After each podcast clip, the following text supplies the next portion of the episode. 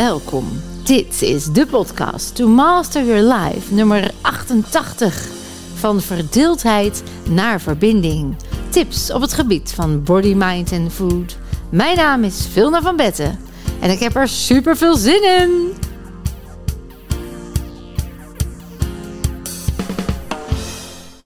Hallo dames en mensen. Van verdeeldheid naar verbinding. Waar gaat dat dan precies over? Nou, ik merk op dit moment dat er in de maatschappij echt ongelooflijk veel verdeeldheid is. Ik heb nog niet zo lang geleden naar de verkiezingen van uh, Amerika gekeken. Waar er nu echt twee kampen tegenover elkaar staan. Hè, de Republikeinen en de Democraten. En uh, ja, het land is echt verdeeld. Um, en in plaats van de verbinding en te kijken naar de overeenkomsten, zie je ook echt dat in dit geval de verliezer, Donald Trump, de strijd aangaat en daarmee eigenlijk zijn volgelingen opjaagt en uitdaagt om ook in het gevecht te blijven. En als we willen gaan naar een wereld waarin we met elkaar leven en het gezond en gelukkig hebben, dan is dat natuurlijk niet de oplossing. Dus waarom gebeurt dit dan? En hoe kunnen we dan dat doorbreken? En als ik bijvoorbeeld kijk in, in Nederland, hè, dat nu, uh, er zijn mensen tegen het dragen van mondkapjes. Er zijn mensen voor het dragen van mondkapjes, tegen de maatregelen, voor de maatregelen. Ook daarin zie je eigenlijk een grote verdeeldheid. En uh, in die verdeeldheid zie je dus dan ook vaak dat er weer een soort subleiders ontstaan, die dan uh, weer meer verdeeldheid willen zaaien. Dus heel erg hun gelijk willen halen, zodat zij hun werkelijkheid vast kunnen houden en winnen als het ware. Nou, dat competitieve, dat zit natuurlijk altijd wel in de mens. Een brein wil uitgedaagd worden en wil ook uh, groeien en bloeien. En iedere keer als jij natuurlijk jezelf uitdaagt en wint, dan krijg jij dopamines en voel jij je goed. En nu is het wel zo dat je steeds meer dopamines nodig hebt om uh, op hetzelfde niveau je goed te voelen. Dus je gaat steeds een stapje verder. En als je eenmaal, dus dat is heel bijzonder aan het brein, dus dat je eigenlijk steeds harder gaat vechten om dezelfde feel te maken. En het tweede bijzondere in het brein is dat op het moment dat jij een ingeslagen route uh, hebt genomen, dus je bent al, je hebt een route gekozen, dat je dan altijd diezelfde weg wil vasthouden, omdat je anders het voelt als falen of als schaamte. En misschien herken je dat nog wel van vroeger ook, dat als jou, uh, jezelf, als je bijvoorbeeld iets gepikt had uit de snoepkast, of je had iets gedaan waarvan je wist, oeh, daar zouden mijn ouders wel eens boos over kunnen worden. Dat je dan dus dacht, nou, als ik nou niks zeg, of ik lieg erover, dan zullen ze me wel uh, ontzien. Zo, die moet er tussenuit. Nou, dan zullen ze me wel ontzien. En uh, dan zei je dus bijvoorbeeld, als je geconfronteerd werd daarmee, dan zei je: nee hoor, ik heb het niet gedaan, of ik was het niet. En uh, dan zul je merken dat als je dan niet geloofd wordt, jij alleen maar harder gaat vechten om jouw waarheid vast te houden, omdat je nou eenmaal die route hebt gekozen en het in je hoofd nog erger wordt als je die route, uh, als daarvan afwijkt. Dus dat zijn eigenlijk al beschermingsmechanismes in ons brein die zorgen dat we ons vasthouden aan iets wat misschien niet het beste is, wat ook niet altijd op lange termijn tot de oplossing leidt, maar wat wel plaatsvindt. En wat ook nog gebeurt, waardoor de verdeeldheid ontstaat, is dat we een waarheid die we eenmaal hebben aangenomen, uh, dat is onze comfortzone. Dat is waar we ons naar gedragen. Dat is uh, waardoor we ons op een specifieke manier voelen. Dat is waar we ons veilig mee wanen. Het is wel een illusie, maar dat is nou eenmaal een identificatie geworden. Dus dat is nu de waarheid. En uh, als je dat dus los moet gaan laten, of je moet van die waarheid af, dan voelt dat zo stressvol, zo oncomfortabel, dat je liever vasthoudt aan datgene wat je al in je hoofd had. Dus het brein is lui, kiest de makkelijkste en bekendste weg. Het beschermt je en het volgt ook vaak de groep Of jij wil uh, graag dat de groep jou volgt hierin. Nou, in principe zijn wij niet gericht op het leiden van hele grote groepen. Dus in zo'n groep zou ook weer verdeeldheid kunnen ontstaan. Toch is het een mooi streven om binnen deze situatie met deze kennis, want we hebben ook als mens de kennis dat ons brein zo werkt. Dus het zou natuurlijk fantastisch zijn dat als we op scholen dit al leren, dat we weten hoe ons brein werkt, dat we als het ware boven de materie uit kunnen hangen en zeggen: Ah, dit is mijn reptiele brein, zo reageer ik nu. En dus uh, laat ik het even los, want dit dient niet voor het hogere doel. Als je dat natuurlijk op jonge leeftijd al aanleert, dan kun je heel makkelijk zelf reflecteren. Dan kun je heel makkelijk erboven uitstijgen en kun je het hogere doel nastreven. Nou, die, die verdeeldheid, hè, dus dat we zien dat er een, het kampen ontstaan, dat leidt eigenlijk altijd tot conflict. Ik hoef jullie niet te vertellen hoeveel oorlogen er zijn, hoeveel ruzies, maar ook in gezinnen, hoeveel onmin. Uh, en dat komt allemaal omdat we nog in onze eigen werkelijkheid vastzitten en daaraan vast willen houden. En uh, Stephen Covey, die heeft daar eens in zijn boek, dus, die heeft daar eens in zijn boek De Zeven Eigenschappen van Effectief Leiderschap een heel mooi voorbeeld ingegeven dat hij uh, studenten aan de universiteit een foto laat zien, een getekende foto van een oude vrouw. En dan vraagt hij aan de groep: Wat zien jullie hier? En wat je waarneemt, dat wordt ook de werkelijkheid. Dus ze zeiden allemaal: Nou, dat is natuurlijk een oude vrouw. En daarin werd dat hun werkelijkheid bij dat plaatje. Aan een andere groep studenten op dezelfde universiteit liet hij een getekende jonge vrouw zien en stelde dezelfde vraag: Wat zien jullie op dit plaatje? Waarop de studenten zeiden: Een jonge vrouw. En dat was hun waarheid. Vervolgens heeft hij die twee groepen samengevoegd en heeft hij het plaatje ook samengevoegd. En misschien kennen jullie dat plaatje wel. De oude en de jonge vrouw in één beeld af, uitgebeeld. je ziet dan dat de oude vrouw lijkt een beetje op een heksachtige vrouw en de jonge dame die kijkt met haar gezicht naar achter. En hij stelt weer aan de groep die nu gemengd is, de groep studenten, de vraag: wat zien jullie op dit plaatje? En op dat moment gebeurt er eigenlijk iets wat hem in eerste instantie verwondert. Want uh, nou, de ene groep studenten in die gemengde groep zegt natuurlijk: ik zie een oude vrouw. En de andere groep studenten die zien een jonge vrouw. En dat horen ze van elkaar. Maar wat je zou verwachten is dat studentengroep A zou zeggen: Hoezo de jonge vrouw? Ik zie daar een oude vrouw. Leg eens uit. Hoe komt het dat jij die jonge vrouw ziet? En dat studentengroep B zou zeggen: Hoezo de jonge vrouw? Ik zie alleen. Uh, of hoezo de oude vrouw? Ik zie alleen de jonge vrouw. Dus kortom, dat je gaat vragen: hoe zie jij iets anders dan wat ik zie? Maar het tegenovergestelde gebeurde. Je zag gebeuren dat ze elkaar gingen overtuigen dat wat zij zagen de waarheid was en dat de ander dan waarschijnlijk het niet goed zag. Terwijl ze dus allebei waarnamen wat ook waar kon zijn. Wat hadden ze voor waar aangenomen.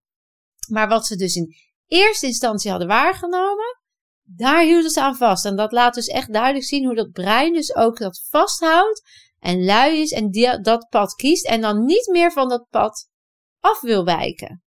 Nou, wij zouden eigenlijk als geëvolueerde mensen, in plaats van dan onze waarheid te willen hebben, ons gelijk te willen halen, zouden we het vermogen moeten inzetten om te vragen: hoe zie jij dan die andere werkelijkheid? En wat levert die werkelijkheid op? Als we nu bijvoorbeeld aan de groep zouden vragen die voor de maatregelen is: wat zijn de voordelen voor jou van die maatregelen? En zij zouden daarmee kunnen uitleggen waarom het voor hun veilig voelt, waarom het voor hun prettig is, waarom zij denken dat het op de lange termijn gunstig is. En je vraagt, je legt zelf uit wat het voor jou is, dan zou het kunnen dat jullie misschien wel allebei hetzelfde doel hebben. En dat is dat de maatschappij angstvrij blijft, dat we met elkaar uh, er doorheen komen, dat er dus Um, dat we allemaal hopen dat het beter gaat. Dus in die verdeeldheid zitten ook altijd overeenkomsten. En als je die overeenkomsten benadrukt, dan maakt het eigenlijk niet meer zo uit welke route je kiest, maar is het meer belangrijk dat je vanuit die overeenkomsten gaat kijken, wat is dan de meest efficiënte manier om daar te komen en zijn er nog andere manieren die we nu over het hoofd zien? En dan zul je merken dat er heel veel verbinding ontstaat. Dat juist de verdeeldheid eigenlijk leidt tot verbinding als je gaat openstaan voor datgene wat er voor gelijkgestemdheid, voor overeenkomstig in zit. En ik wil eigenlijk via deze podcast jou ook eens even een kritische vraag stellen.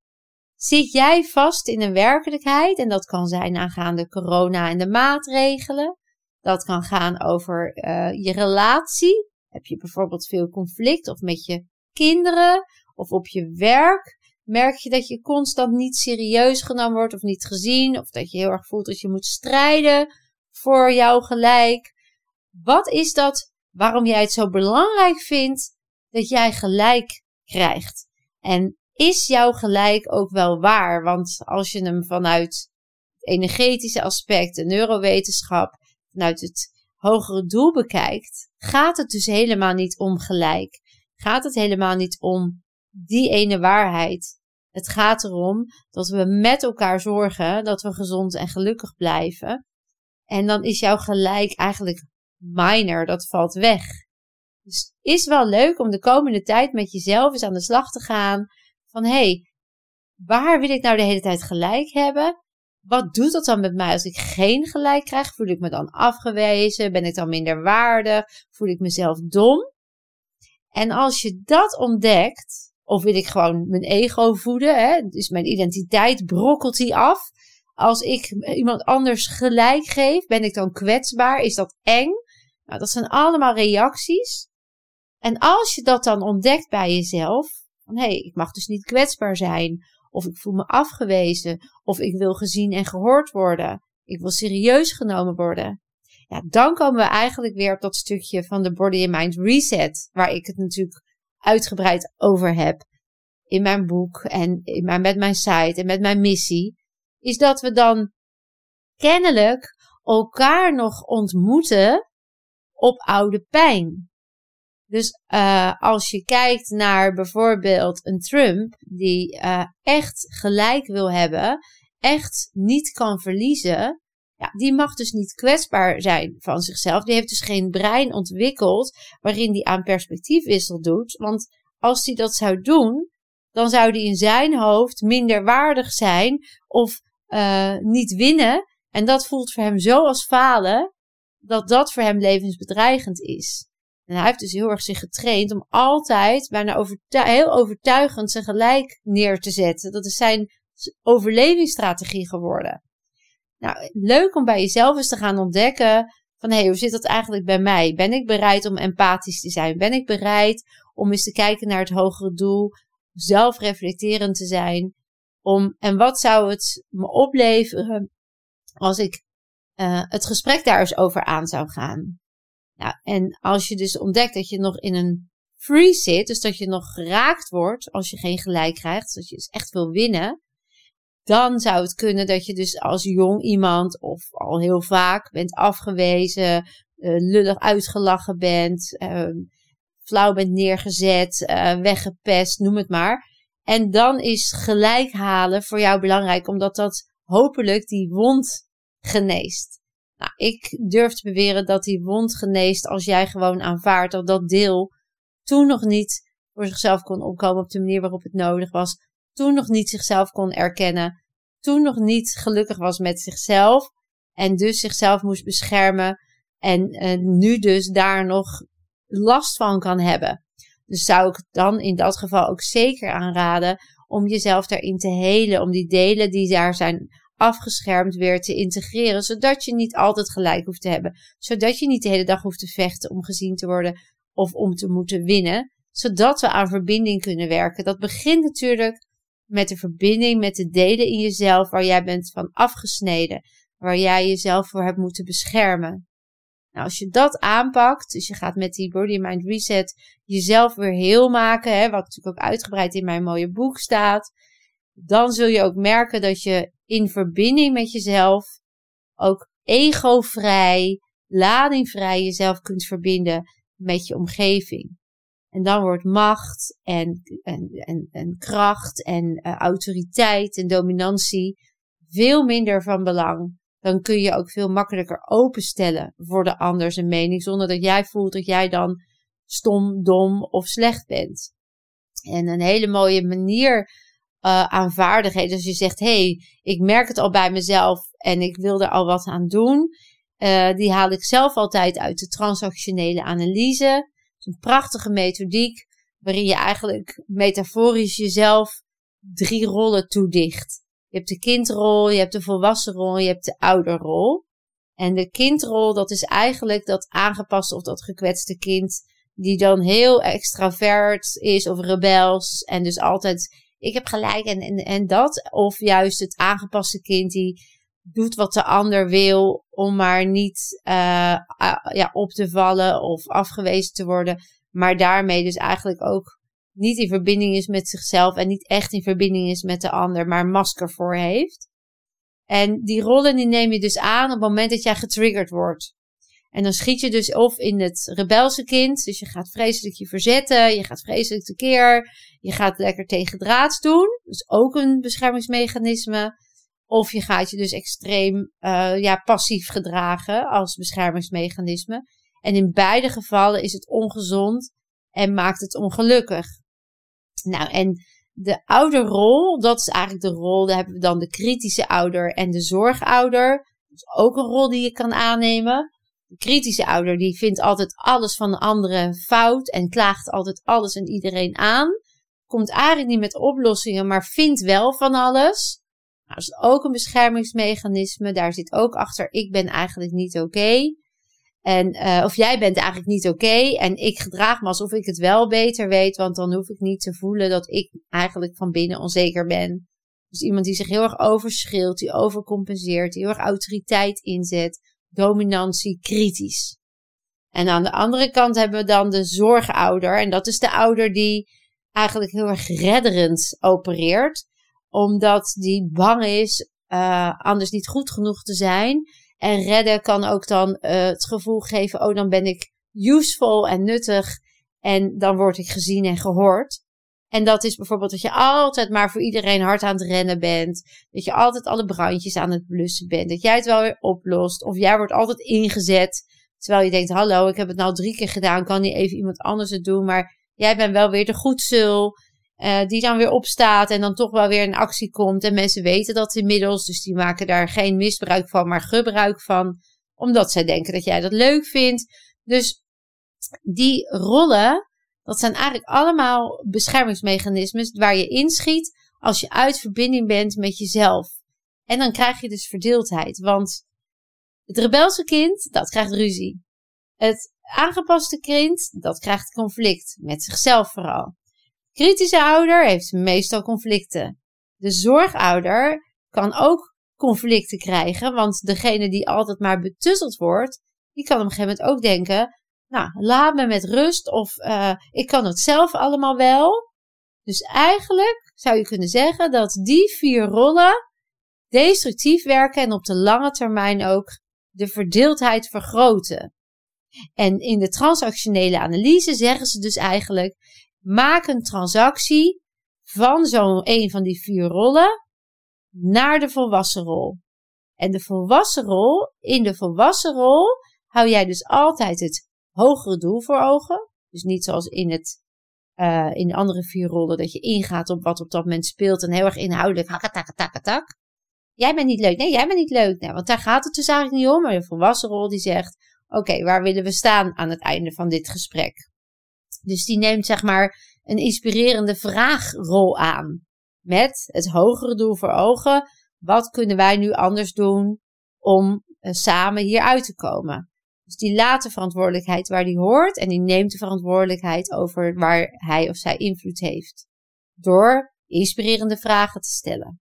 Of door assertief aan te geven wat voor hem of haar belangrijk is. Nou, voor mij is het heel belangrijk dat als we samen hier door de coronacrisis heen komen, dat we met elkaar in gesprek blijven over gezondheid en geluk. Dat zou bijvoorbeeld een volwassen reactie kunnen zijn. Ehm, een andere volwassen reactie is dat iemand zich kwetsbaar opstelt. Dus in plaats van zich te gaan verdedigen en ik mag niet kwetsbaar zijn, juist, oh, ik merk dat ik hier heel verdrietig nog op reageer. Ik merk dat het me nog raakt. Ik merk dat ik nog niet helemaal weet hoe ik hiermee om moet gaan. Ik wil daar graag aan werken. Dus die herkent zijn gevoel, die erkent ook het gevoel en die handelt ernaar, waardoor die zelf verantwoordelijk blijft voor zijn of haar gedrag en open staat voor hulp. Nou, dus een resume, als je meer verbinding wilt, dan is het belangrijk dat wij transacties maken naar die volwassen rol waarin we inspirerende vragen stellen, assertief reageren, voor onszelf opkomen, wat we belangrijk vinden vanuit liefde, dat communiceren en waarin we ons kwetsbaar durven opstellen met het hogere doel voor ogen. En als je merkt dat dat soms nog een uitdaging is, dat je dan dus middels de Body and Mind Reset, waarin je in het celgeheugen oude pijn herprogrammeert, reset als het ware, waardoor je weer in je kracht komt en die volwassen rol, die heelheid in jou weer laat zijn, dan zul je ook merken dat die communicatie vanzelf gaat. En dat herken je ook wel, want je hebt bij de situaties waar je vroeger bijvoorbeeld heel erg getriggerd werd en dat je nu al weet, Oh, grappig. Ja, dat, dat had ik. Vroeger kon ik daar enorm van van slag raken. Maar nu heb ik dat eigenlijk helemaal niet meer.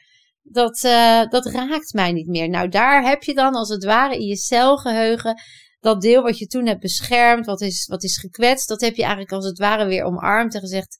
Je mag er gewoon bij zijn. En misschien is dat onbewust gebeurd. Ben je erin sterker geworden? Ben je bewuster geworden? Ben je erin gegroeid? Maar zo'n body mind reset, die kan dat eigenlijk voor jou uh, doen, waardoor jij dat snel bereikt. En dan zie je ook dat als iemand dan wel uh, jou vanuit die andere rollen benadert, jij dan gewoon in die volwassen rol kan blijven. En daarmee de ander ook inspireert om ook op volwassen manier te communiceren. Nou, in onze Live Master Week uh, neem ik die transactionele analyse altijd helemaal door. Gaan we dat ook helemaal oefenen. Gaan we ook allerlei situaties bekijken. Gaan we ook freezes die er mogelijk achter zitten ontdekken. Uh, maar voor nu weet ik al zeker, hè, stel inspirerende vragen. Zeg wat jij belangrijk vindt en waar je naartoe wil, je hogere doel. En laat je kwetsbaarheid zien als observant van dat je vroeger dus misschien meteen het gevecht aan zou gaan of verdeeldheid zou creëren. Je nu even tot 10 telt, even dat reptiele brein laat rusten. Oké, hoe zou een volwassen rol hierin reageren? Bewust dat inzetten en dan eens kijken hoe de ander reageert. En ik bedank je weer voor het luisteren. En je weet het, je kunt meer dan je denkt.